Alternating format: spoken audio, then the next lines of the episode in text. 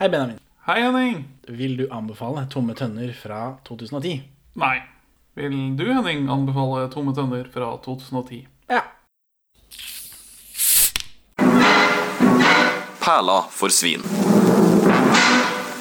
Velkommen til Perleforsvin, podkasten for deg som tror gratis narkotika vil være løsningen på alle verdens problemer. Vi er to middelmådige menn i 30-åra som ser norske filmperler, og i dag har vi sett en tappeluftfilm, Benjamin. En tappeluftfilm. Ja, hva er tappeluft for noe? Er det produksjonsselskapet til Benjamin Tappelino? Nei, det er et produksjonsselskap, det er helt riktig. Det er også en by oppe i Alta et sted, tror jeg, eller noe sånt. Tappeluft? Tappeluft, ja. Jøsse navn. Eh, Det er produksjonsselskapet til Tommy Wirkola og den gjengen der. Tappeluft Tappeluft. Pictures. Kjenner jo en av, en av vennene til Tommy Wirkola i den filmen her. Han Kurt Vagle, eller hva han nå Å, heter. ja. Stig eh, Frode Henriksen, tenker Ja. jeg på. Ja. Men kjenner du igjen Tommy Wirkola i denne filmen her, da? Det gjør jeg ikke. Vi kommer nok til det. Men Jeg mente, jeg mente å se i rulleteksten at det sto at det var Tomme Tønner AS som sto for produksjonen. Mye mulig de også. Jeg tror eh, Harald Svart er vel også inne på produksjonssida her, hvis jeg leste rulleteksten rett. ja. Svart film. Svart arbeid heter det, men eh, jeg tror det var bare navnet Harald Svart. Tappeluft, eh, det er en bygd i Nord-Norge. I Alta, tror jeg. I tillegg til at det er produksjonsselskapet til Tommy Wirkola. Hvorfor heter det tappeluft? Fordi det er det den bygda heter. Hva- Man tappa luft der før, eller hva? Nei, det har et sånt eh, samisk eh, sånn navn også. Tappa luft. Med noen tegn som ikke jeg skjønte. Så jeg antar det har noe med det å gjøre, at det er veldig veldig langt nord, bare. Hvorfor det heter Tappeluft, det vet jeg ikke. Men de Tappeluft Pictures de lager jo en del film uten norsk filmstøtte. Noe som er veldig uvanlig og, s- og imponerende. Sånn som de der Kurt Vagle og Fjordheksa og sånt. Og du ser jo det, at ikke det ligger så veldig mye penger i det. Men så gikk det jo som det måtte gå, selvfølgelig, og det gikk konk i 2018. Ja. Jeg hadde en elev når jeg jobba som medielærer, som var Kurt Vagle-entusiast. Ja, jeg har ikke sett det ennå, men vi kommer vel dit. Jeg så også at det er en oppfølger. Et eller annet eh, om noe hurtigrutegreier. Ja, den er ikke jeg kjent med. Jeg har bare sett den fjordheksa tre ganger eller noe pga. Ja. av denne eleven. ja. Eh, ja, vi kommer vel dit. eh, Send inn om dette er noe dere har lyst til at vi skal se. Ja, ja, mail oss på perlerforsvinn at gmail.com. Eller perleforsvinnpod at gmail.com. Nei, jeg husker ikke.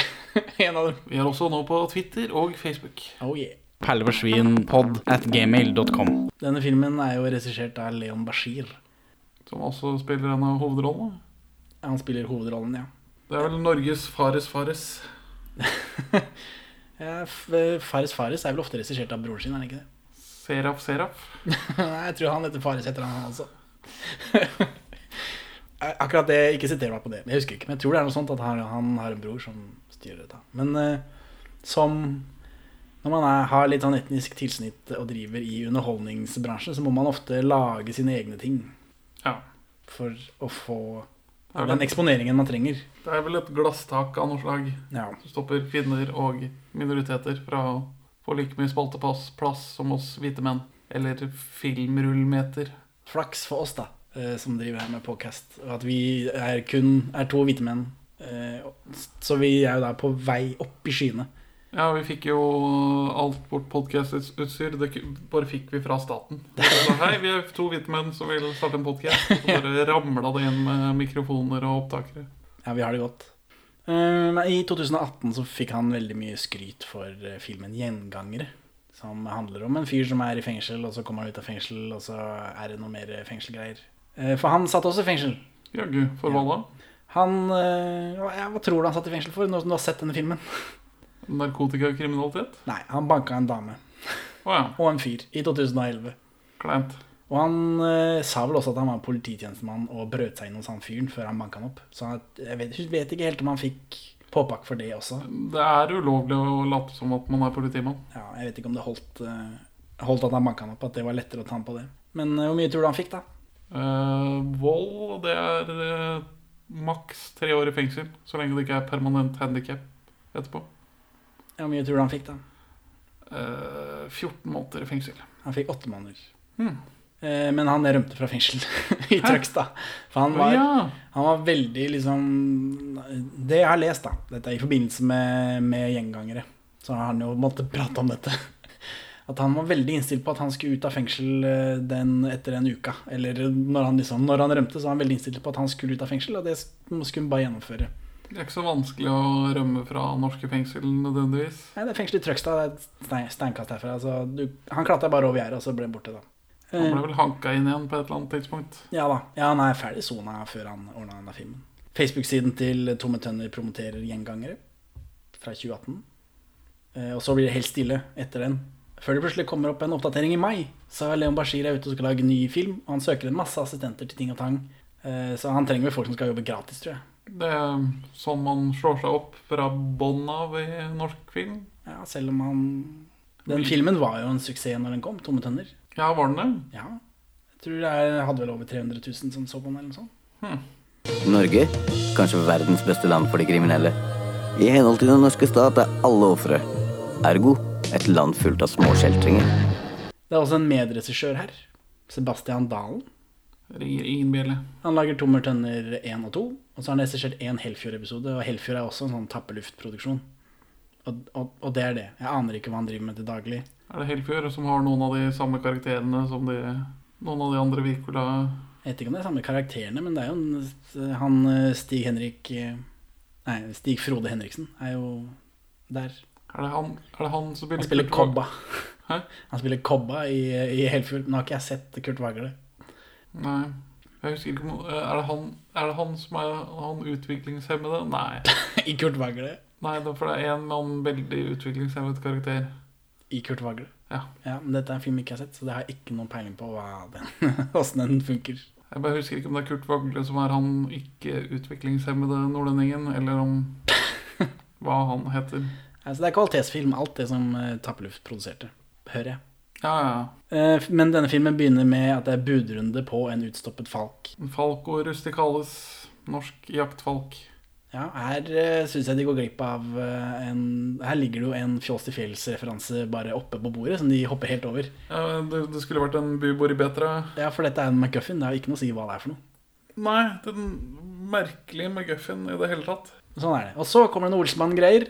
Ja, det kom veldig bardust på meg.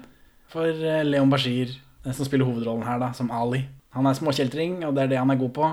Og han, det han syns er gøy. Eh, Og så blir han selvfølgelig satt i fengsel. da. Så han kommer ut av fengsel, og da har han en plan og noen greier. Ja, han kommer ut av botsen, og det står to fyrer og Og venter på den. han, han vifter ikke med et flagg, han står og spiser en rullekebab. ja, og så tar han den kebaben. Så er det liksom jeg, jeg ser det. Det er ikke for mye heller. Nei, det runker ikke Olsenmann-referansen, men den er oppe i dagen. Nå vet jeg ikke hvor norsk Leon Bashir er, om han er født og oppvokst i Norge. For det kunne jo være at han ikke har fått Olsenmannen i morsmelka.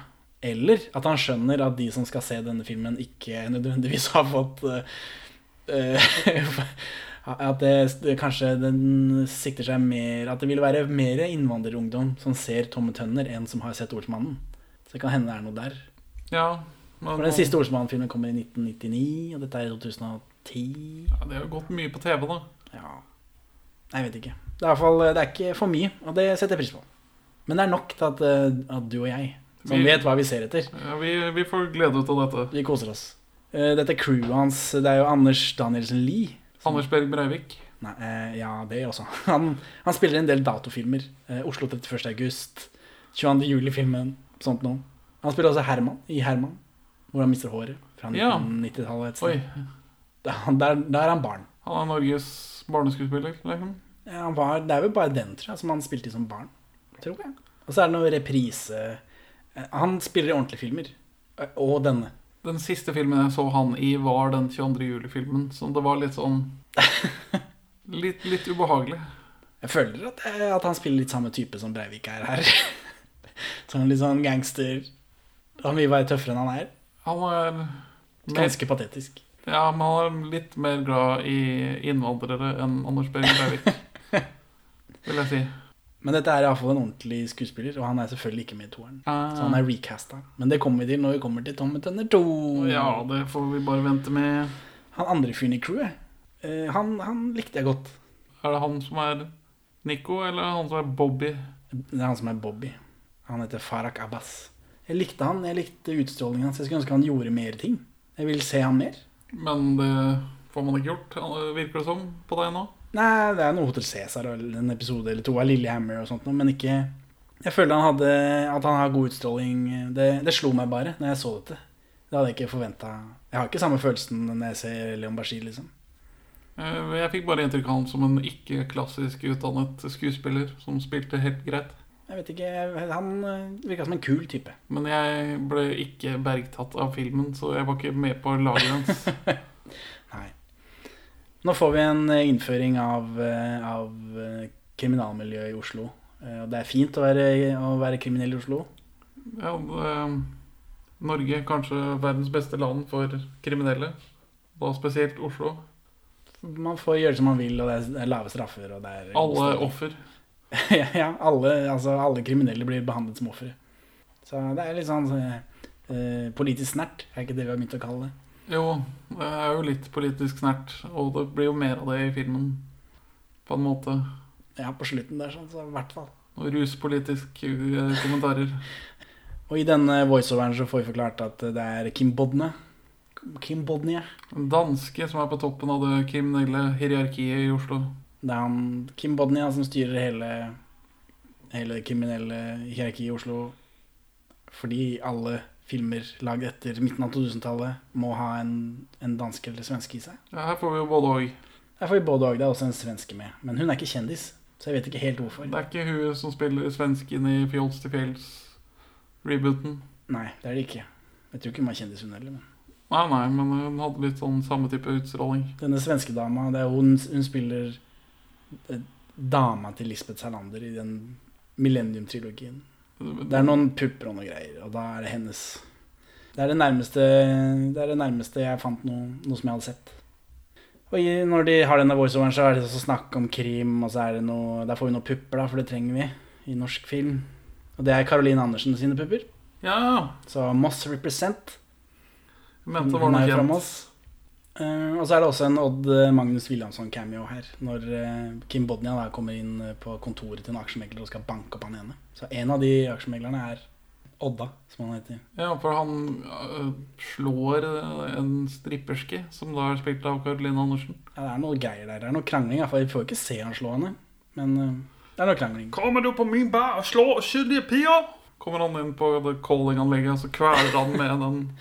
Ja, Det er for å vise hvor tøff han er, da. For han er jo dansk. Det er jo det er pusher. Pusher. Det er det det går i. Ja, for han spiller i Pusher, Bodnes. Han spiller pusher, og den andre dansken her også spiller også i pusher. Ok, så Uno represent. Ser du ikke på Pusher i Uno? Jo, det gjør de. Det er sant. Så Hvis bare de hadde fått med seg Mats Mikkelsen, forresten. Overraskende at ikke han spiller mer i norske filmer. Han har kanskje en karriere utenfor Danmark. Ja, det, han har slått gjennom internasjonalt og kommet til den lille norske sølepytten. Ja, men det er jo Stellan Skarsgård, da. Nei, uvisst. Jeg vet ikke. Så ble vi introdusert eh, Altså, Ali, Leon Bashir, er i frukt- og tobakkssjappa si. Sjappa til Nico, faktisk. Til Anders Danielsen Lie.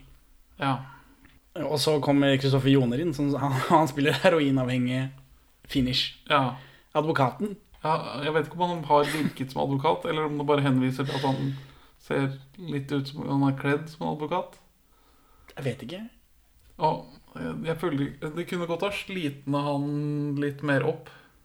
Han er jo en sånn litt sånn skral type. Så gjort han litt mer skral. Jeg vet ikke om han kan få sånn rogalendingsstemme og sånn junkiestemme oppå hverandre. Nei, det er kanskje vanskelig, men Kristoffer Joner han, eh, han sulta seg jo for The Revenant. Leonardo DiCaprio-filmen hvor han er med i kanskje tre sekunder. Og han brukte seks måneder ute i villmarka eh, f- for sitt store internasjonale gjennombrudd. Før Mission Impossible.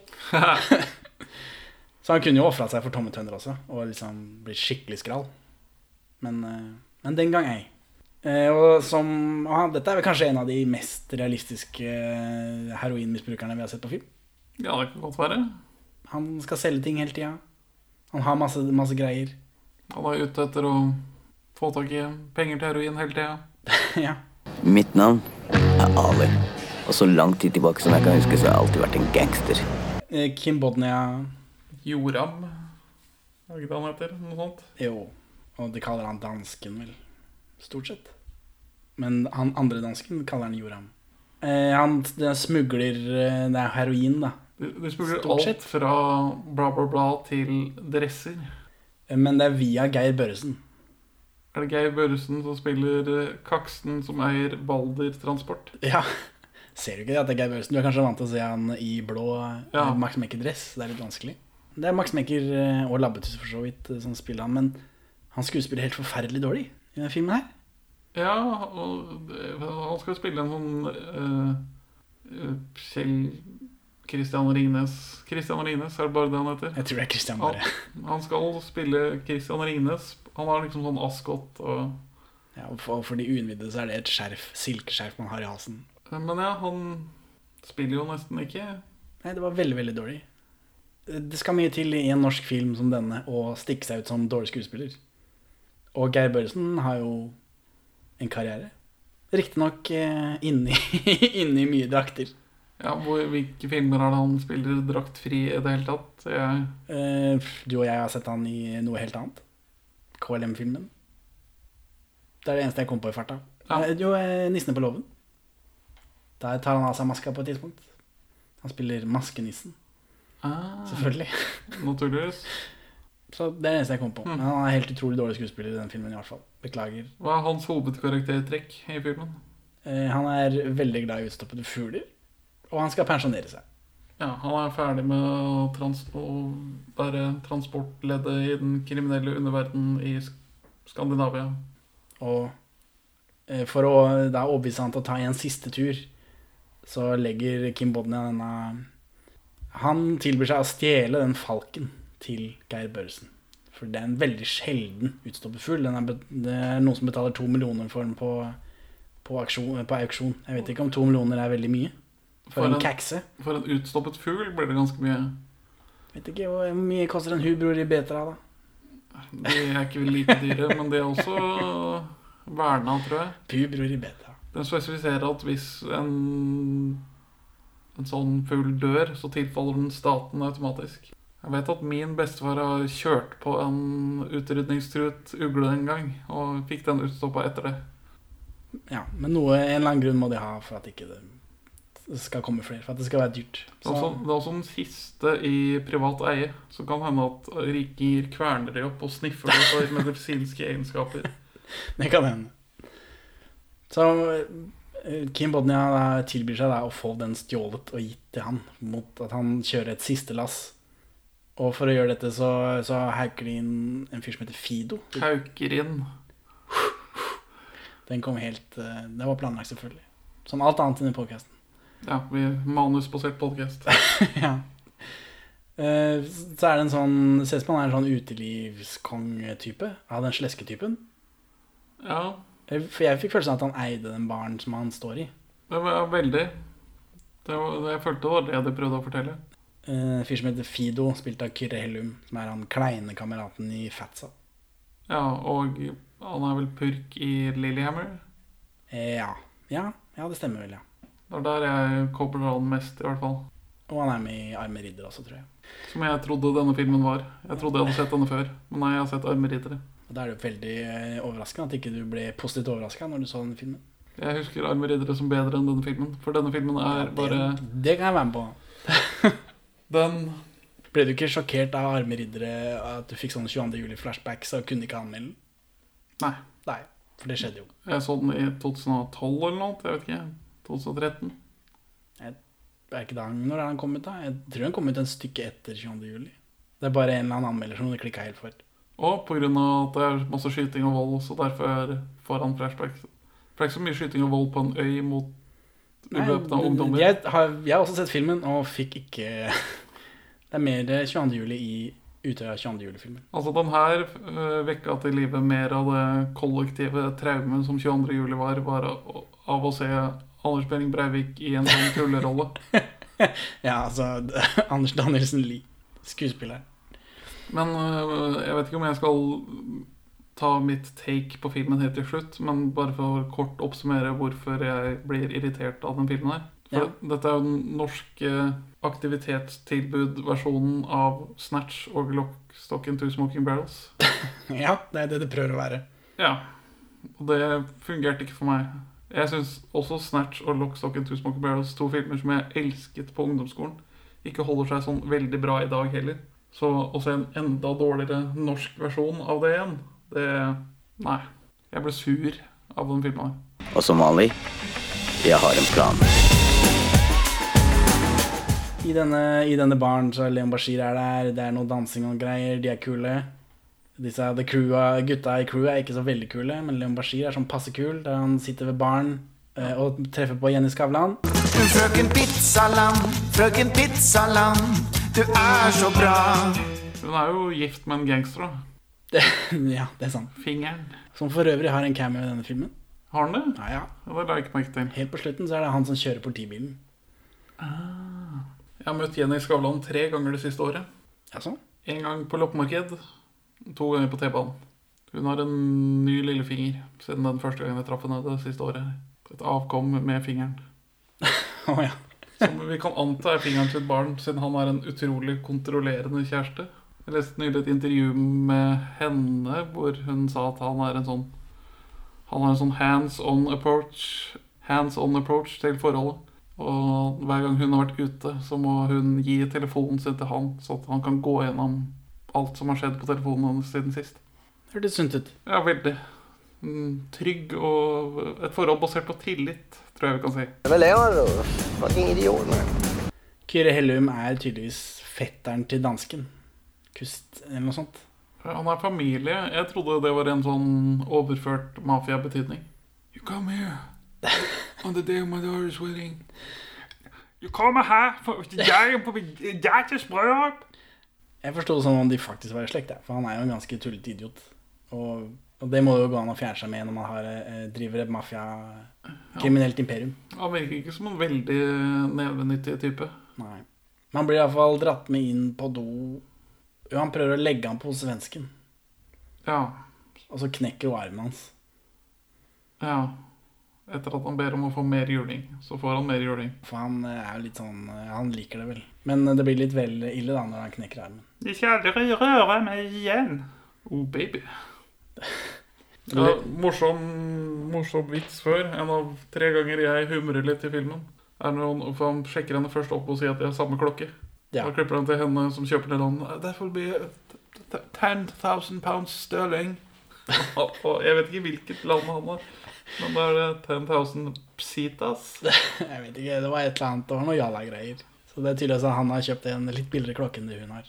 Men Leon Bashir og Jenny Skavlan eh, Som ikke- tar opp kontakten litt. Han sier at han har vært på jordomseiling, Hun sier hun har hørt at han satt inne. og det vet jo vi at han har. Så hun er- blir jo ikke helt overbevist, men har i hvert fall introdusert henne, da. Så, Ja, og så får vi et callback til um, Fjols til fjells. Åh. Ja, han slår henne på rumpa. Og hun smiler sånn rart og meningsløst av det. jeg vet ikke om eh, hver gang noen blir slått på rumpa, om det er et callback til Leif Juster som slår Liv Ullmann på rumpa Det var- i Fossefjells. Det var vel da han fant Da Da de fant opp. rumpeklaskingen ble funnet opp av Leif Juster. Ja, Men de har hvor- nok betalt noen royal- royalties til Juster-familien, ja. Hvorfor beefer de først, og så smiler hun av å bli slått på rumpa? Eh, Er det ikke sånn det er på film, da? At man krangler mye hele tiden, og så kliner man. jo. Jeg, jeg tror det er noe sånt. Men til slutt så, så klarer disse gutta i crewet til Leon Bashir å danse bort alle på dansegulvet. Ja, fordi- fordi de danser så veldig, veldig dårlig. Det er en veldig aggressiv dansestil. ja, det gjør også. Så de, de går ut, ut av denne klubben. De er ferdig med den der klubbgreiene. Og da treffer de Petter Pilgaard. Ja. som Heyo. Stjeler den nyeste Sony-telefonen til. En Sony Satio. Jeg Ja. husker ikke hva som var hipt. Jeg vet ikke. Er det ikke iPhone kommer i 2006-2007? Noe sånt. Ja, Men Sony De hang vel med en stund, kanskje. Ja, de lager sikkert stusslige telefoner den dag i dag. Jo, men det kan hende det var litt kulde den gangen. Peter Pilgaard, ikke en stor skuespiller. Nei, Han skal jo spille full kakse, og det tror jeg han får til. Han har Ja, jo mye øvelse. ja han inviterer med på nach. Så Men det er hva jo en- syns Arnold Schwarzenegger om at Petter Pilgaard stjal dama hans? Ja, for du tenker på eh, Nå har jeg helt glemt hva hun heter, jeg. Be- de- be- be- Vendere Vendela Kirsebom.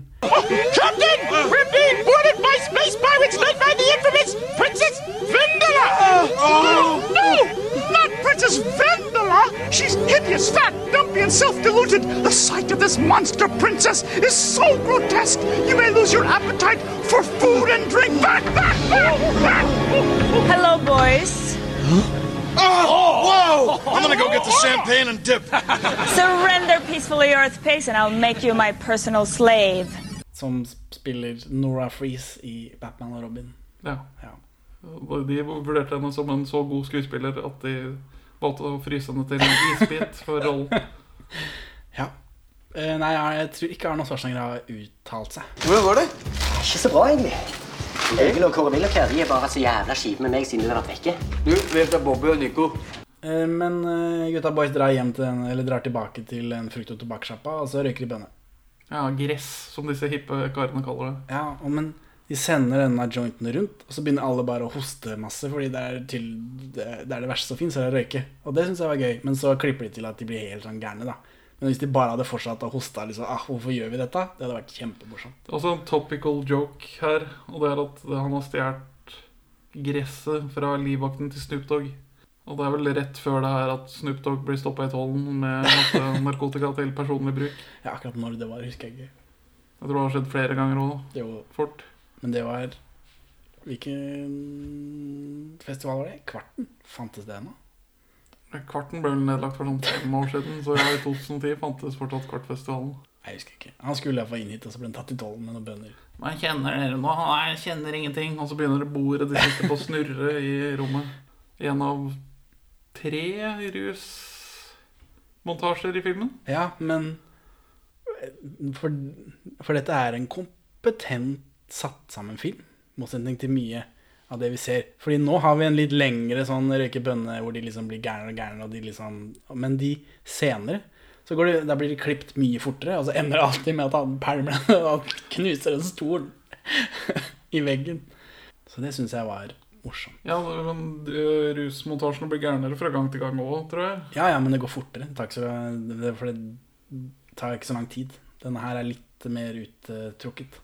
De, ja, de prøver jo å gjenskape den fyllekula i Snatch, tror jeg. Eller det er vel kanskje fyllekule i både eh, Snatch og Glockstocken til Smoking Barrels. Jeg er ikke så kjent med de. Jeg har sett dem. men- Nei, det, De er ikke like bra gjennomført som der, da, tør jeg påstå. Nei, men eh, i norsk målestokk ikke så verst. Nå er jeg bare sammen med sånn ordentlige akademikere. Akademikere. Vennekretsen min, halvparten min.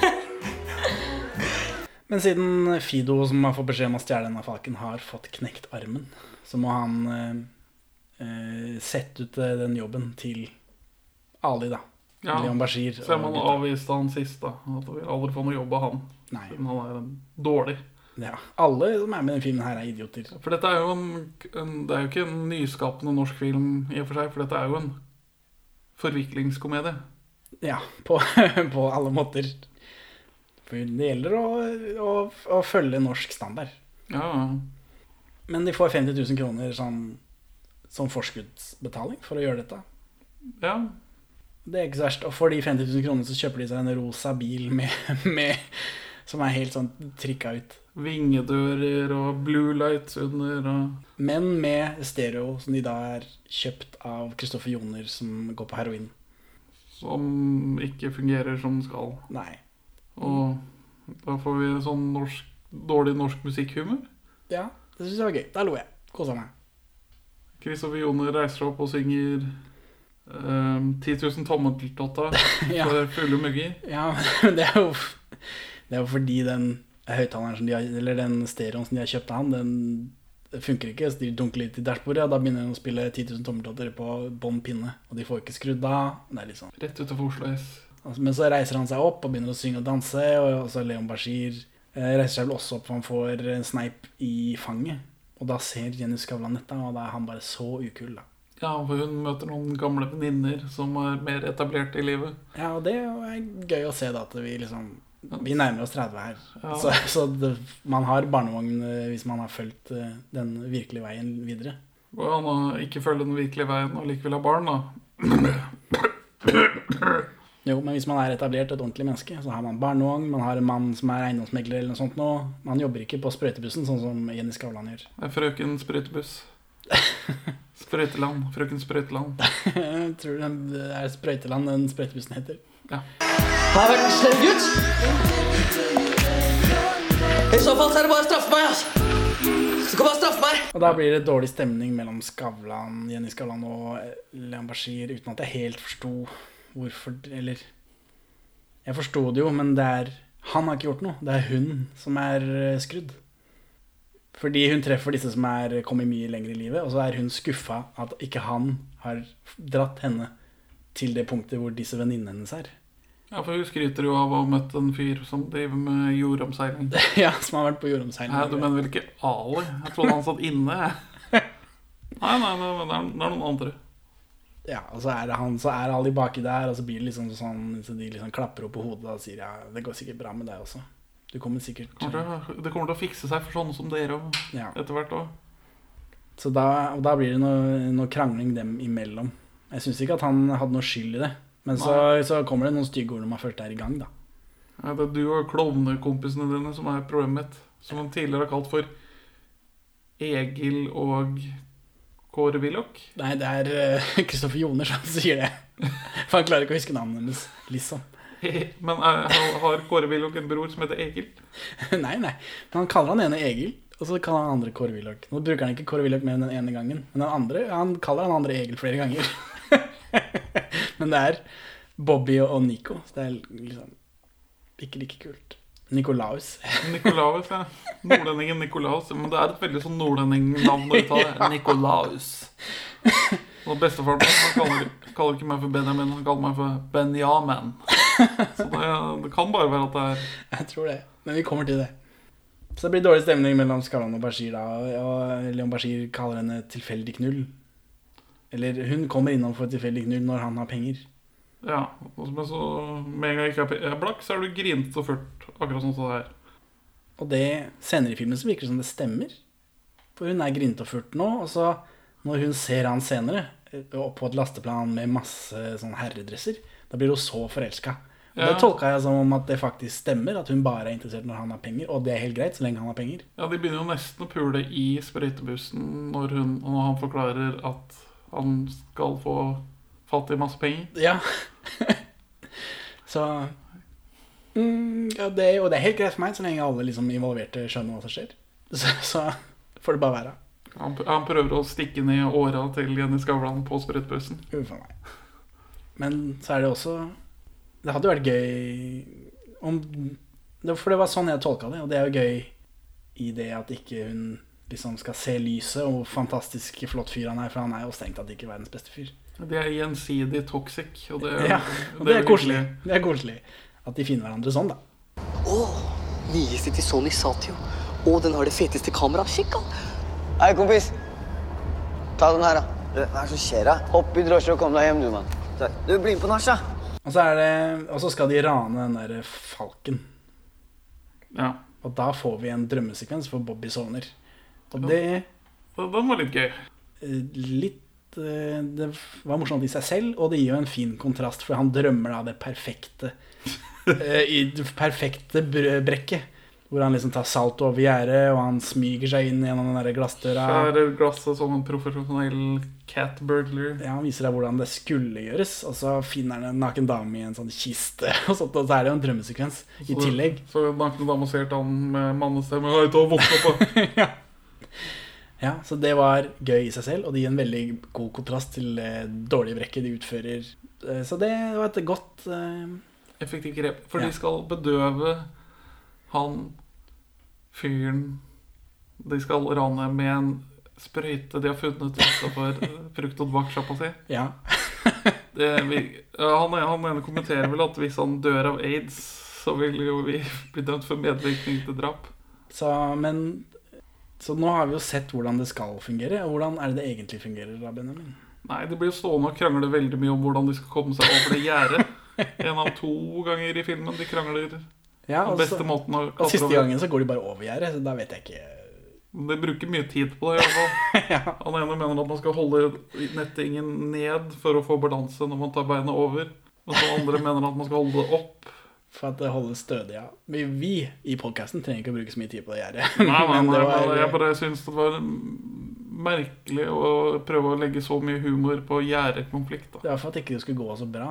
At ikke det skulle gå like smooth som i den drømmesekvensen. Og så, og så skal Bobby da Han har kjøpt en greie på, på QXL Ja. som han skal, for å skjære opp, opp Skjære rundt fint høl, sånn som profesjonelle mestertyver gjør på TV. I glassdøra på verandaen til han fyren. Så mens Nico har et panikkanfall og tror han skal Han må få hjerteklapp. Han tror han får hjerteinfarkt utafor der. Så bare knuser den ruta i et forferdelig leven. Ja, for han setter den på, og så kan han skjære sånn rundt omkring, sånn som vi har sett han gjøre i drømmesekvensen. Og så bare ksh, går hele den ruta. Morsomt.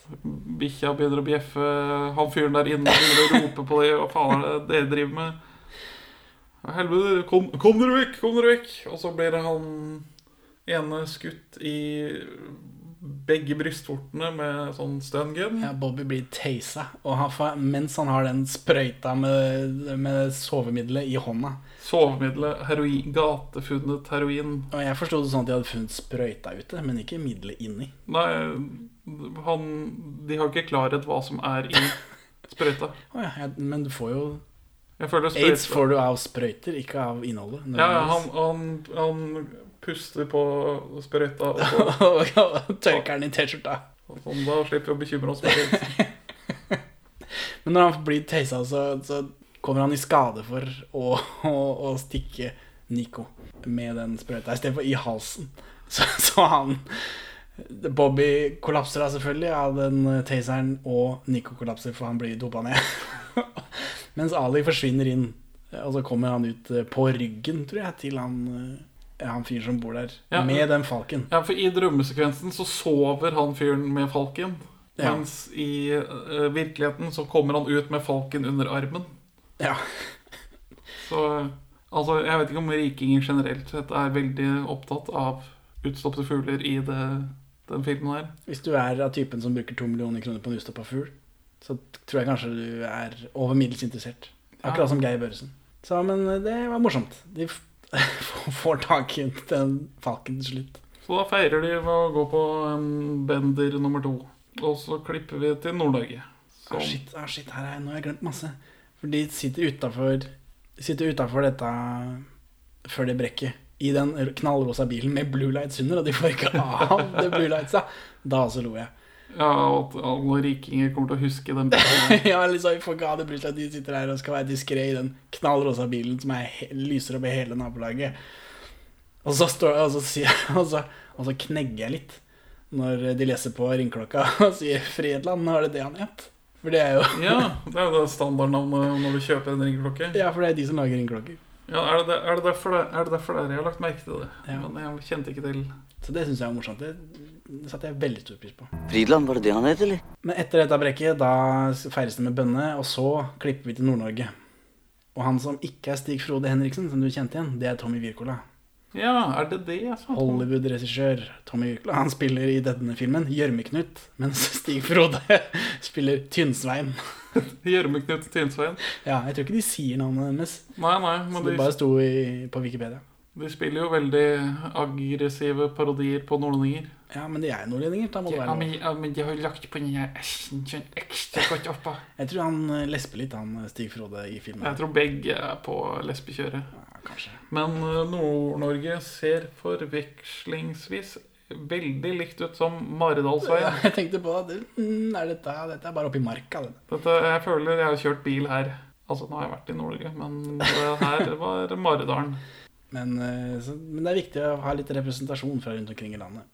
Eh, Hvordan tanklokk er det på bilen hennes, Benjamin? Eh, Sjømannsbrudd, sier noen. Flashlight, sier noen andre. Men så på selve lokket liksom på denne Volvoen Denne veldig, veldig harde Volvoen det er, Ord blir fattige når man skal beskrive den rånebilen her. Men på selve lokket sitter det en plastikkfitte.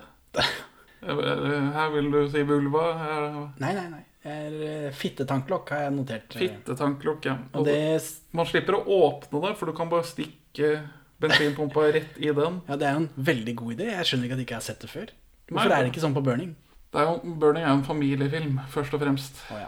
Men ja, altså, han driver og klasker fitta mens han fyller den, hvis det er lov å si. Og så kommer det stønnelyder. Ja. Det, det gjør det. Eh, Men disse to gutta her, de jobber for Vegard Hoel, som spiller Tommy. Sønnen til Jørn Hoel. Nei, tror jeg ikke. Men han spiller i Monster Tor- Torsdag og masse andre tappeluftfilmer. Død snø, Kill Bully og Burning 2. Ja. Han er med i Burning 2. Det er Døs når jeg kjenner ham fra. Det er han som motorsager av seg hånda, er det ikke det? Eh, Å, det er lenge siden jeg har sett Død snø. Og så ble han bitt i pikken. Det er kjempe- Ja, men han er en eh, Ja, han er også en sånn tappeluft-type. Eh, Men eh, de jobber for han, og de får eh, i oppdrag å sprenge et eh, hjemmebrenneri. Diskré. Ja, De skal være diskré, men de er jo to veldig dumme nordlendinger, da. Så kjøpt dynamitt av en russisk sirkusmedarbeider som heter Sergej. Og da får vi De tar kanskje litt mye dynamitt, da, så vi får en, eh, en eksplosjon. Det, eh, det, det tredje fjøset så ikke så bra ut på avstand. Du syns ikke det? Nei. At effektene her ikke Men jeg likte den eh, shockwaven som kom som en følge av eksplosjonen. Det syns jeg var gøy. Det likte jeg. bølge, det Partikkelbølgegeneratoren og er bra, men det sjølve fjøset var vanskelig å animere. Hvor du fikk tak i, hvor du kjøpte dynamitten? Hvor du fikk tak i den? Kjøpte hos en eh, russer som jobber med Rano. Sergej. Super fyr. Men så Hvem er sjefen til Vegard Hoel igjen? Det er jo Bjørn Sundquist, Oi. sjefen til alle nordlendinger. Bjørn Sundquist, baby. Han er veldig jovial og hyggelig. Ja, men med en litt sånn utrygg utstråling, Ja, men vil jeg si. Det tror jeg bare fordi han er Bjørn Sundquist. Jeg tror ikke han spiller det ikke sånn. Nei, jeg tror jeg ikke. Ikke før han blir skikkelig forbanna. på Nå så slutten. det skal liksom klaske til Jo, jo. Pol her, så, Ja, jeg trekker meg. Du har helt rett. så de, det dør 54 kuer. En av de kadaverne lander 300 meter unna. Ja, så For eh, Vegard Hoel jobber for Bjørn Sundquist, men han vil ta over hele greiene til Bjørn Sundquist. Han føler ikke at han får nok eh, kred. Og de driver tydeligvis et sånt hjemmebrent mm, eh, mon monopol, holdt jeg på å si. Hjemmebrent eh, kriminelt eh, Imperium. imperium oppe i Nord-Norge der. Ja, Men så begynner Bjørn Sundquist å snakke om å utvide, og da lurer Istedenfor å bygge opp i Nord-Norge, det fjøset som nå har røk i, så er det bedre å starte med hjemmebrent i Oslo, For der er det jo så lett å være kriminell. Det er et sånt fristed. tydeligvis. Sånn ref den introen om Oslos kriminelle underverden. Så da, får vi, da har vi jo enda en spiller i spillet her. De skal da nedover til Oslo. Ja, og han har en firemenning eller åttemenning, han er ikke helt sikker. Det er veldig nordlending, for så vidt, og har oversikt over de. Ja, Det, er jo- det, det er jo Nico, da. Nikolaus, som han sier. Oslo var det sikreste vårtegnet frittgående nigerianske horer. Det blir også sagt. Ja, Bjørn Sundquist, ja. Jeg tror Bjørn Sundquist har lov til det. Men Ja. ingen andre. Altså, og så klippes det vel rett til Nikolaus som danser med en Ja, for da er det noe Han danser med en kvinne Mm. av afrikansk opphav. For nå er, vi, nå er det noe mer drømmesekvenser, for de har røyka bøndene etter dette brekket. Ok, så det er fire russekvenser i filmen. Nei, Dette er den samme russekvensen. Å ja, de er, ja, de er fortsatt Vi klippet jo fra den forrige, så den bare vi Så nå er vi tilbake til der i, i ettervirkningene av den forrige. Ja. For da får vi en drømmesekvens hvor han danser med en kvinne av afrikansk opphav. Eh, og, og så er det noe eh, Jenny Skavlan er halvnaken her. Ja, han drøm, eh, Ali drømmer han er med Jenny Skavlan på kondomeriet, og hun driver og prøver ut sexy undertøy. Ja, det, produktplassering heter det. Ja. Men også Jenny Skavlan, da. Og så kommer de spøkelsesversjoner av kompisen hans og jokkedanser på henne. For det er det samme dansinga som vi så i den klubben. For det er jo veldig usexy, den dansinga deres. Ja, Mens hun skal være sexy. Vi skal ha en plass der kjeltringene eh, kan operere bekymringsløst i gaten.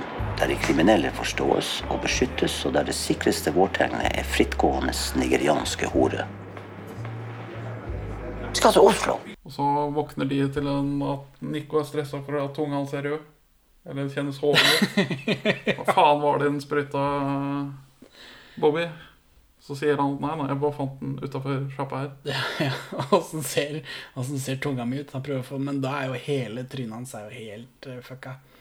Til Nico, så han, så han Bobby Han har et sånt fælt utslett. ja, Så han Bobby orker nesten ikke å se på, mens han prøver å si at det ser ikke så ille ut, den tunga hans. da Det ser ikke så ille ut den, Hvis du myser litt, så kanskje han er litt rosa, men han, du ser at han klarer liksom ikke å se på. Så det syns jeg er morsomt. Men i dette, i denne fyllekula deres, eh, bønnekula deres, så har den falken er blitt borte. På magisk vis. Ja, For den har de hatt i bilen. Kjempesmart. Og så er det noen som har knust ruta på den bilen og har tatt fanken. Var det, var det første du tenkte da, når noen har eh, stjålet noe ut av en bil?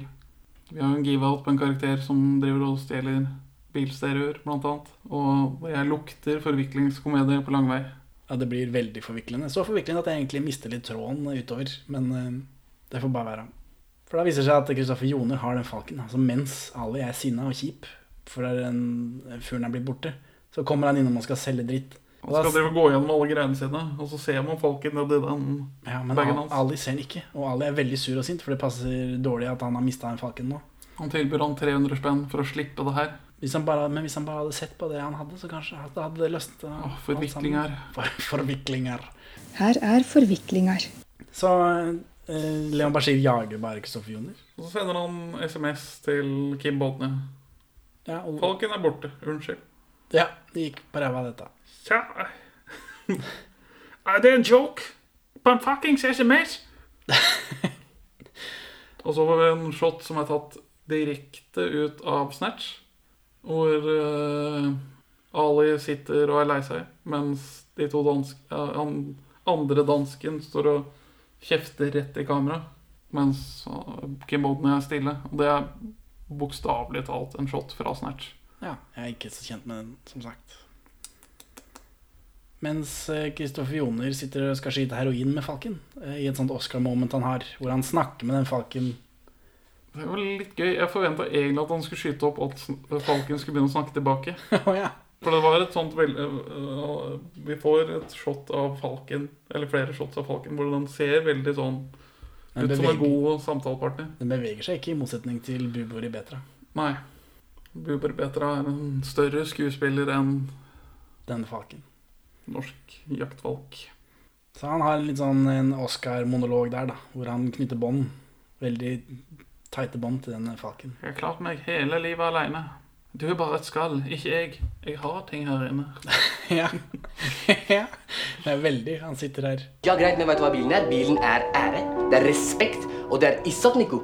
Ja, hva faen skal vi med Issat hvis vi ikke har noe sted å bo, liksom? Issat? Ja, Issat Hva er har jeg- feil sånn, da. Ja, Issat har jeg lært deg om Å, hele kjeften din, tida. da. Hva har jeg lært om Issat nå? Fuck Issat! Bashir driver og krangler da med disse gutta sine, og de sier Isat. Ja. Leon Bashir har koskrevet manuset til Isat. Jaggu. Ja, Han er, jo Og det- med, han er jo med i den også, for det er en sånn hvor alle pakistanere som kan spille skuespill, er med i denne. For de, vurderer å, de prøver å få tak i, finne på måter å få tilbake 50 000 kroner, sånn at de kan betale Bodnia basically for å ikke drepe dem. For bilen er ære, respekt, Isat. ja, Men, for de kan ikke selge bilen, og ikke selge butikken. men Isat betyr vel bare respekt, gjør det ikke det? Er ikke Jeg tror det urdu for respekt? Det er lenge siden jeg har sett Isat, men jeg tror det. Men det er respekt da, å ha den knalllilla lilla bilen, som også er produktplassering. For den har en ganske tydelig eh, nettadresse på, på sida der. Ja. Det fikk ganske mye eh, harry bil for 50 000 kroner, syns jeg. Eh, Jeg også syns det at wow. For- Jeg som kjøper mye drittbiler, er det 50 000 kroner? Det er jo- Du kom langt med dem, ser jeg. Men kanskje det er noe snuskeri. Ja, og så Altså, fikk de ikke Ja, de kjøper det jo fra en slags shop-shop. Men så får eh, Kyrre Hellum, Fido, eh, får i oppdrag å kjøre lastebilen fra Stockholm til Oslo allikevel. Ja, som For Geir Børresen vil ikke gjøre det når ikke han får den falken. Nei. Så da skal de ha tak i den falken. Men når ikke det går, så sender de bare han for å, å kjøre den, stok den bilen. Kunne de ikke bare kjent han, sendt han for å kjøre den bilen til å begynne med? Ja, det, eh, det virker som et sånt forviklingsledd man ikke har fått involvert nok, men man må ha den der Lockstock and Two Smoking Barrels, McGuffin For det der eh, filmen handler om, eller noe annet. Selv om den heter Tomme tenner, ikke Teit Falk. Sm- Barrels, smoking barrels, tomme tenner. Dun, dun, dun. Dun, dun, dun. Ja, en tom tønne og en smoking barrel er jo det, samme. Det er to av dem også. Tomme tenner. Én, to. Her er det to tønner. Tomme tønner, det må jo være mer enn én. Ja, men er ikke, er ikke tønne i filmen her de sprittønnene som aldri blir fylt? Jeg aner ikke. Jeg f- jeg ser for meg at det er de folka her. De er er de tomme som er de tønner. tomme tennene. For der er det ingen hjemme. Ja. Trenger ikke alt? Jo. Jo. Jo, det er akkurat det det er. Det er absolutt alt. Det er livskvalitet, det er familie, det er helse. Ikke minst fett, da. Eh, uansett, Bjørn Sundquist eh, har kommet til eh, hovedstaden, Tigerstaden, og han tar over butikken eh, til eh, det- For det er Nico da, som leier der. Og det er rett over Oslo S, så det er en ganske prima eh, real estate. Det er Dette. vel nabolokalet til Shangri-La eller noe annet? Jo, jeg tror det. Eh, og da- han tar over den sjappa for å selge hjemmebrent. Og, det, og Han de tar blir med på det. Over sjappa han Han er ganske insisterende på at dette skal vi gjøre, og så viser det seg at eh, det er en kjempegod eh, deal. Hvorfor skal vi ikke gjøre dette? Så det- han trengte ikke å være Bjørn Sundquist på det. Han- Så ille Bjørn Sundquist-ete. Så lenge de skaffer sukker, så skal han skaffe alt Sukker og gjær. Sukker og gjær, Så skal han skaffe alt utstyret de trenger til å produsere 1000 liter eh, hjemmebrent i uka. Og han skal betale de 50 000 kroner for det. Så 50 kroner per liter hjemmebrent. da For de skal bare selge til ham. Ja, Og det er jo- høres jo kjempefint ut. ja altså De får produksjonsanlegget, og sukker og gjær er ikke så dyrt. Nei, og de slipper å mase med å selge det Det eneste er at f- sukkerprodusenter i Norge har en tendens å si fra til politiet når når noen stjeler en lastebil. Var det du som fortalte meg den fun facten? Høres ikke sånn ut. Ja, det var da en av våre lyttere faktisk som har fortalt meg den fun facten. Siden han er en fin fyr. At eh, norsk politi ble tipsa om at noen hadde bestilt noen tusen kilo sukker. Og gikk på razzia i et lite industrilokale utenfor Tønsberg. Og det er for at de antok jo at det skulle være noe storstilt spritproduksjon, da, siden noen skal ha så mye sukker. Men nei, de kom inn på et amatørfilmsett hvor noen skulle bruke sukker som erstatning for snø i en sekvens. Norsk film, fun fact, dere. Det hørtes seigt ut. Arve kom med all utstyret, ikke sant? Så alt vi trenger å fikse er gjær og sukker. Mye sukker. Så jævlig mye sukker! Eh, og så er det denne sprøytebussen, da. For eh, jeg tror Ali leter etter Kristoffer Joner fordi Kristoffer Joner har kjenner folk som stjeler ting. Jeg tror det er det det Ja, de kommer for- fram til. Fordi jeg har funnet ut at øh, det ble, å få tak i 400 kilo sukker er vanskelig. Ja, det er det. Men de driver jo en sånn butikk som kunne bestilt sukker uten at det ville blitt Så han prøver å få tak i Kristoffer Joner, så da går han innom sprøytebussen hvor eh, Jenny Skavlan Hun heter Jasmin med Y i denne filmen. Ja, jeg reagerte på det samme. Og så be- krangler de litt, og så ender det med at de nesten ligger med hverandre i den sprøytebussen hvor det sitter masse narkiser. Nå, har- jeg Ja. antar det sitter masse narkiser utenfor bildet, for de er der når han kommer inn. Ja. Det var litt rart. Det var en lastebil med sukker. Vi må sabotere den, for faen! Han går inn av dansken for å liksom betale tilbake, for de får jo 50 000 kroner av Bjørn eh, Sundquist. Eh, Men han dansken skal jo ikke ha 50 000 kroner, han skal ha 500 000 kroner. Penger har vi nok av. Det er Det er Falken vi trenger av fans, og da må de bare produsere som gærninger. Er det Ja. liksom det de finner ut av. ja, om ti uker. Det, eller du prøver kanskje å gjøre det litt fortere nå. Men så da skal de stjele en lastebil med sukker. Og han håndlangeren til Bjørn Sundquist får tak i disse to idiotnordlendingene sine Ja. for å komme til Oslo for å sabotere det nye prosjektet til Bjørn Sundquist. For han skal, vil jo ta over, så han vil jo at det skal gå dårlig med Bjørn Sundquist, så han får tatt over. Så da, da ringer han Gjørme-Knut og Tynsveien. De må komme seg til Oslo. Jeg liker ikke søringa. Så da Ali og gjengen stjeler da en lastebil som det står Farin på. Ja. Og, men det er ikke Farin i den. Nei. For dette er en forviklingskomedie. Dette er en lastebil som tilhører dansken, men det er ikke den lastebilen som tilhører dansken som vi eh, venter på fra Sverige. Nei, dette er en dresslastebil. Den er ikke narkotika. Den er bare, d- dette er dressbusinessen, for han smugler alt fra dresser til heroin. Og det er Det er de to tingene vi ser han smugler. Ja. Ja, for det syns jeg var eh, de rekker- Den kom liksom litt ut av det blå, at dette her også var en av hans lastebiler.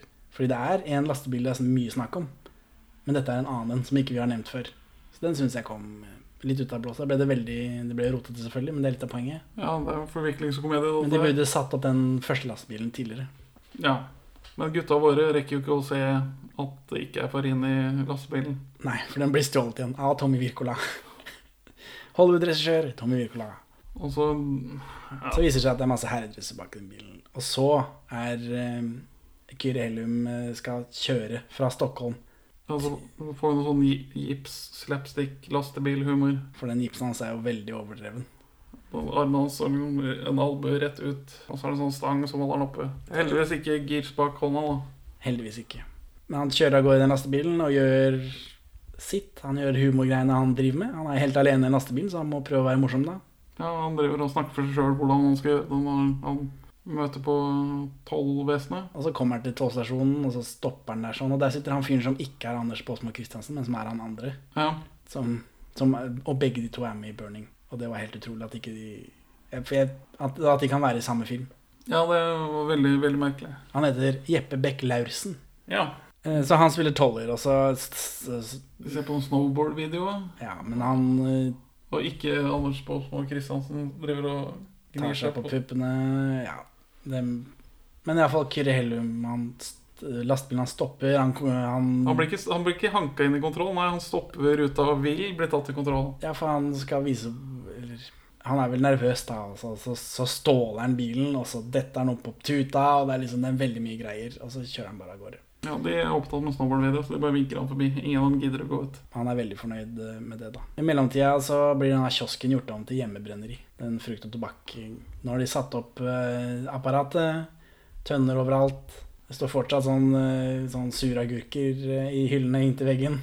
Ja, Og det kommer noe sånn hjemmebrentsapparat-humor. Ja, eller det kommer vel nordlendingapparathumor, for de har jo fått instrukser for hvordan de skal sette sammen dette på nordland, nordlendingsk. Og da det er litt vanskelig med alle disse svettetuter og alt dette, de rare orda som nordlendinger bruker. Det kommer noen fyord òg, tror jeg.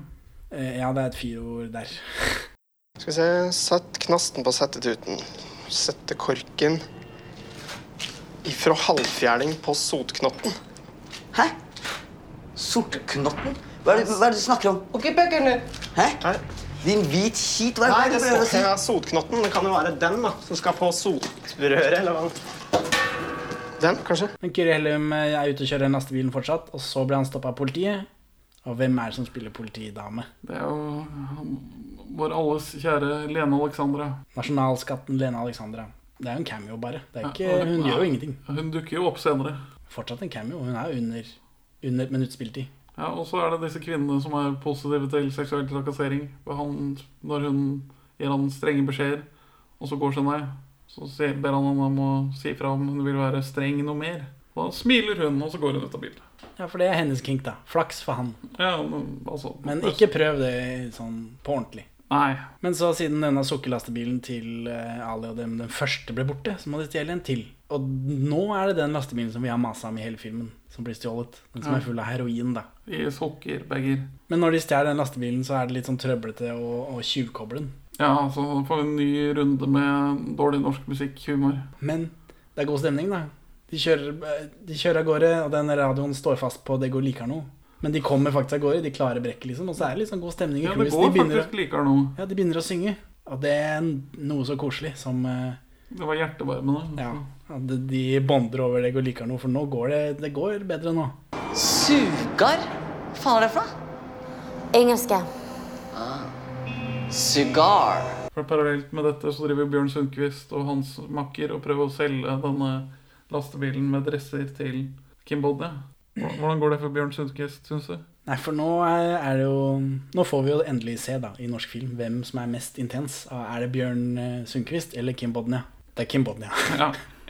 Kim Bodnia ut intensifiserer Bjørn Sundquist. Han skyter han i hodet. Så det går ikke så veldig bra. Dansker eier ikke moral. Feite wienerbrødspisende feiginger. Ja, det er jo fint å høre han fortelle åssen det er, da. Men Kimbodja sier 'jeg er ikke fuckings dansk'. Jeg vet ikke. Kim Bodnia, er det et veldig dansk navn? Dansker heter jo mye rart, så for oss som er norske, så er det ikke så lett å å ta det. Palle Bodnia. Rian Bodnia. Men eh, Vegard Hoel er jo også med på dette. Han sitter ved siden av Bjørn Sundquist når han blir skutt i hodet. Han tåler ikke det så bra å bli spraya av Bjørn Sundquist Ja, sin det- hjernemasse. Det er litt hardere enn sånn som han er vant til, tydeligvis. Så da Han blir kidnappa, da, fordi nå skal de tilbake til den kiosken. Ja, for han får ut av han hvor han har fått tak i den lastebilen fra. Han har stjålet den fra en pa- pa- pa- pa- pa- pa- pa- pakistaner. Eier denne pakistaneren en Har han en butikk? F- f- Frukt og tobakk. Så nå begynner alt å konvergere og i den frukt- og tobakkssjappa. På eget initiativ så har de disse to idiotnordlendingene vært og stjålet den andre lastebilen med farin. Men denne gangen har de i hvert fall fått ut en bag med farin før. Ja, altså Nico og Bobby har fått ut en av disse sukkersekkene og har begynt å, å fylle på bre- hjemmebrennsapparatet. Med heroin. Med heroin. Og det er veldig mye De, de søler veldig mye, så det hele rommet der sånn er fullt av heroin i lufta. Det er sånn i- tykk tåke av dette pulveret. Så de blir litt sånn, eh, litt sånn gærne av det. Og imens så driver Ali har funnet en finish med store abstinenser som han har lyst til å kjøre på legevakt. Og han gisselet han prøver å få kontakte de andre om at de må ikke stjele flere lastebiler. ja, Vegard Hoel eh, ringer og ringer eh, Gjørme-Knut og Tynnsvein og sier at dere må, liksom, de må sette den tilbake foran eh, frukt- og tobakkssjappa, den lastebilen de har stjålet. Ja, for Imens han sier til dem at dere må ikke stjele flere lastebiler, så sa- sier de ja, vi har stjålet en ny for en lastebil. ja. ja, fordi jeg får beskjed om å, liksom, å sabotere den eh, sjappa til Bjørn Sundquist. Så Ali skal kjøre finish på, på legevakta. Gjørmeknut, Tommy Wirkola eh, kommer kjørende, og de krasjer. Ja. Samtidig som Kim Bodnia også kommer til den butikken. For dette skjer rett foran kiosken. Med en fuckings Tommy Gun. Han er en Tommy Gun. Et amerikansk gangstervåpen. Ja, sånn er det å være dansk. Dansker vet du, de eier jo faen ikke moral. En nasjon full av wienerbrødspisende feite feiginger. Du, eh, har dere fortrengt helt hva som skjedde under invasjonen? Ja, en verdenskrig hvor man hadde underdanige hunder. Nei, bare flir. Ha, ha, ha. Jeg flirer også. eh. Ræva mi flirer. Kom igjen, Tommy. La oss komme til helvete. Fucking ikke dansk. Ali skj- finner den derre ugla. Finner ut at Finish har ugla. Men den har jo Finish knytta et bånd til nå, så han vil ikke gi slipp på hauken. Han har kalt det ugle. Falken. Så han stiller seg opp på bilen med ugla. Og da begynner Med Kim- falken. Med falken. Og da begynner Kim Bodnia å skyte. Ja, men nå har jo ikke den Falken har ikke noe, trenger ikke den lenger. Det er ferdig, Akkurat den biten der er ferdig. Sorry, den lastebilen er i Norge. Beklager. Men den andre lastebilen er jo også der. Den med klærne. For Ali står bakpå der og gir bort dresser til folk. Og så kommer eh, Jenny Skavlan forbi, og så ser hun at han står baki der. Kanskje de kommer til å levere begge lastebilene samtidig? Ja, det tror jeg. Ja, for Hun blir glad av at han gir dresser til junkier. Ja, For det er det han står og driver med. For å skape en Liksom samle masse junkier til å For at de skal ha For å gi bort ting til de som har mindre. Målet hans er vel egentlig bare å sakke ned Kim Bodnia. Jeg tror det. Masse dresskledde junkier skal være i hans vei. Og Bodnia Altså, dette er det er en politistasjon inn, inne i den bygningen bak Kim Bodnia. Men han går bare på åpen gate og sliver og skyter i været med Ja, og han skyter jo på dem også, men eh, politiet kommer etter hvert, da. Faen til bråk du har her nå. Ali kommer seg til slutt inn i den eh, frukt- og tobakkbutikken sin. Mens Kim Bodnia eh, kommer etter. Der er, det er vel filmens morsomste russekvens. For eh, Nico og Bobby, de sliter litt.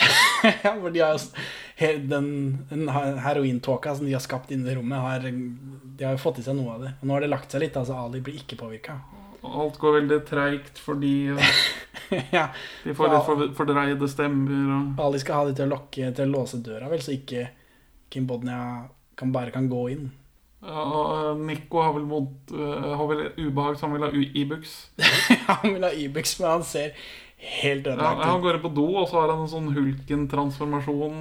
Ja, for han klikker for, og han, hele, halve ansiktet hans er jo helt sånn Det ser ikke bra ut. Helvete, var det en sprøyte?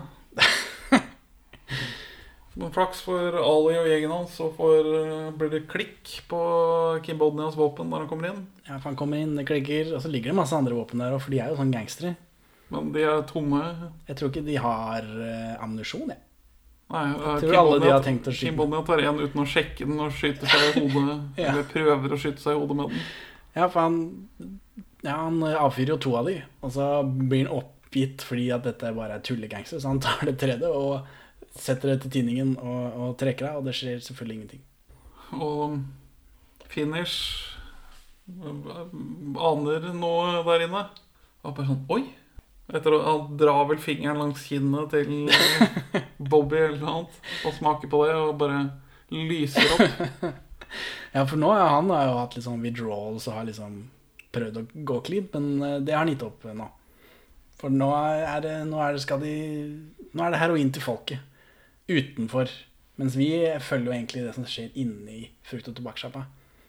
Så Kim Bodnia truer. Disse våpnene er selvfølgelig Det er ikke noe kuler i dem. Og så kom politiet. Masse politi. Masse politi. Og det er egentlig slutten på det som skjer inni der sånn.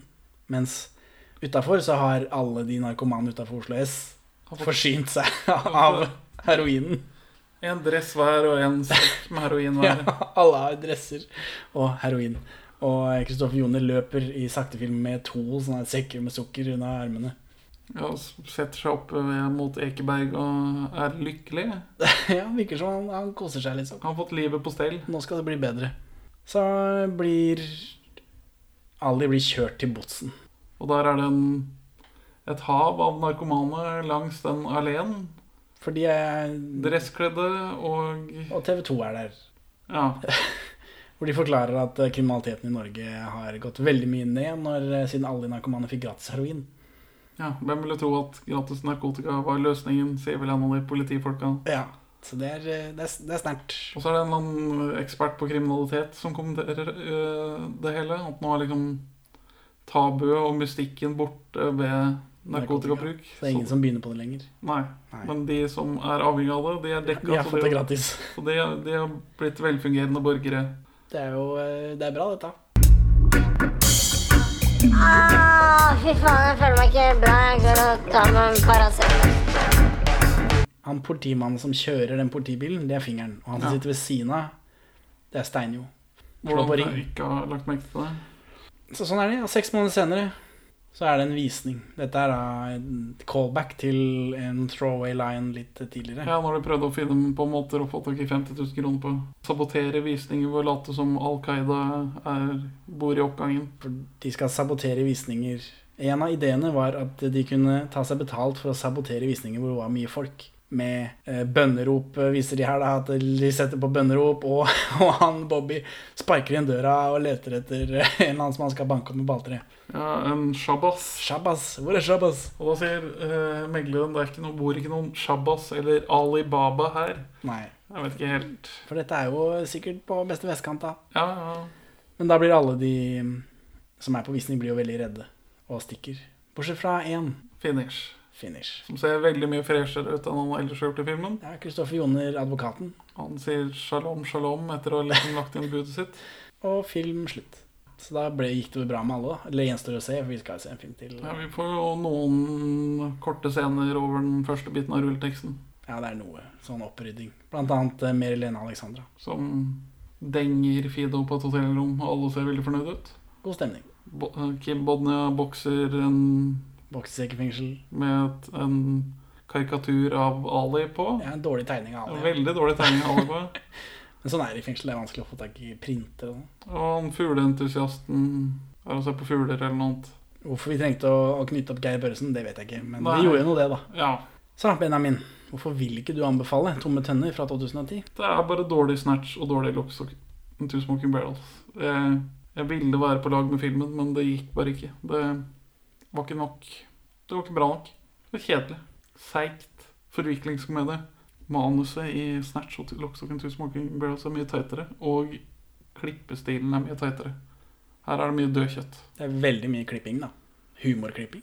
Ja, men det er, det er sånn Hver gang de nevner et eller annet. gjentar Den forrige gangen de snakka om det, eller det, Ja, Hver gang de nevner et eller annet de har vist tidligere, gjerne fem minutter tidligere, altfor tidlig egentlig, så klipper de tilbake. Ja. og Det fungerer ikke. Jeg syns de gjorde det så mye at det ble morsomt. Så Wow. jeg er uenig. Ja, Hvorfor vil du anbefale denne filmen, Henning?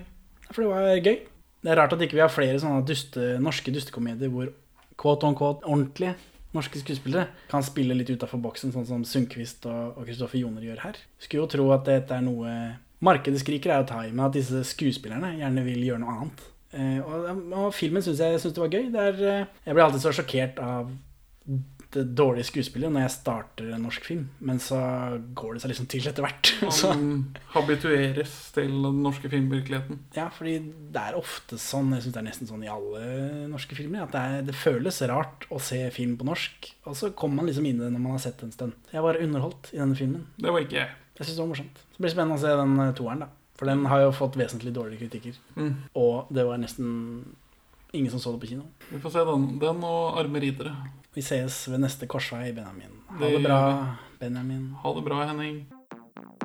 Takk for at du hører på Perler for svin. Du finner oss først og fremst på perleforsvin.no, men også på Twitter under perler-for-svin, Facebook som perleforsvinpod, eller du kan maile oss på perleforsvinpod at gmail.com. Gi oss gjerne en eh, rating i din lokale podcast-avspiller, og, og legg igjen en beskrivelse, så folk skjønner hva det er for noe tull vi egentlig driver med. Her er ukas Pål Bang-Hansen-sitat ute av kontekst. De eldre av oss vil sikkert mene at dette er flat og masete film full av dum og barnslig humor. Infantilt vås. Du, skrotnisse. Det her funker ikke. Hm? Det er alltid noe myr med de greiene dine. Jeg er en defekt, altså.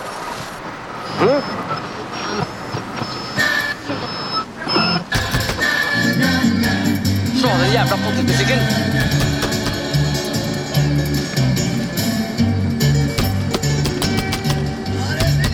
Faen! Alle ser på oss faen ikke. Alle ser på oss. Hæ? Alle ser på oss. Det er ikke han derre Ali du deala med for fem år siden eller noe? Nei. Jeg trodde han satt inne, jeg. Nei, nei. nei. nei. Ali er bare mm, Han har vært på seiltur. Men eh, det er liksom ikke han. Han er mer sånn ambisiøs. Åh, se han står det og filmer liksom. Det her kommer rett på YouTube. Fy faen, det her gidder jeg ikke. Ville varme.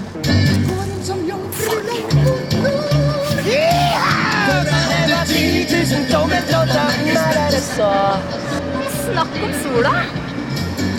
Er ikke det Ali? Jeg tror ikke den eh, jordseilingen Ha det, Jasmin. Det var hyggelig å møte deg. Ja, det, men når du driver Når du driver eh, amatørfilmproduksjon Du må begynne hele setningen på nytt når du gjør sånn. Når du driver norsk film amatørproduksjon i et lite lokale utenfor Tønsberg, og antageligvis ikke får filmstøtte, så tenker vel ikke så langt. Sikkert ikke. Og du kan ikke begynne setningen på nytt med sånn humorbegynning. For Hvorfor ikke det? For det går ikke inn i når du For du hadde en setning før det. Hei, jeg heter Benjamin, og sånn er det! Det går ikke. Du klipper det bare ut uansett. Så det er Jeg blir jo nødt til det nå, da.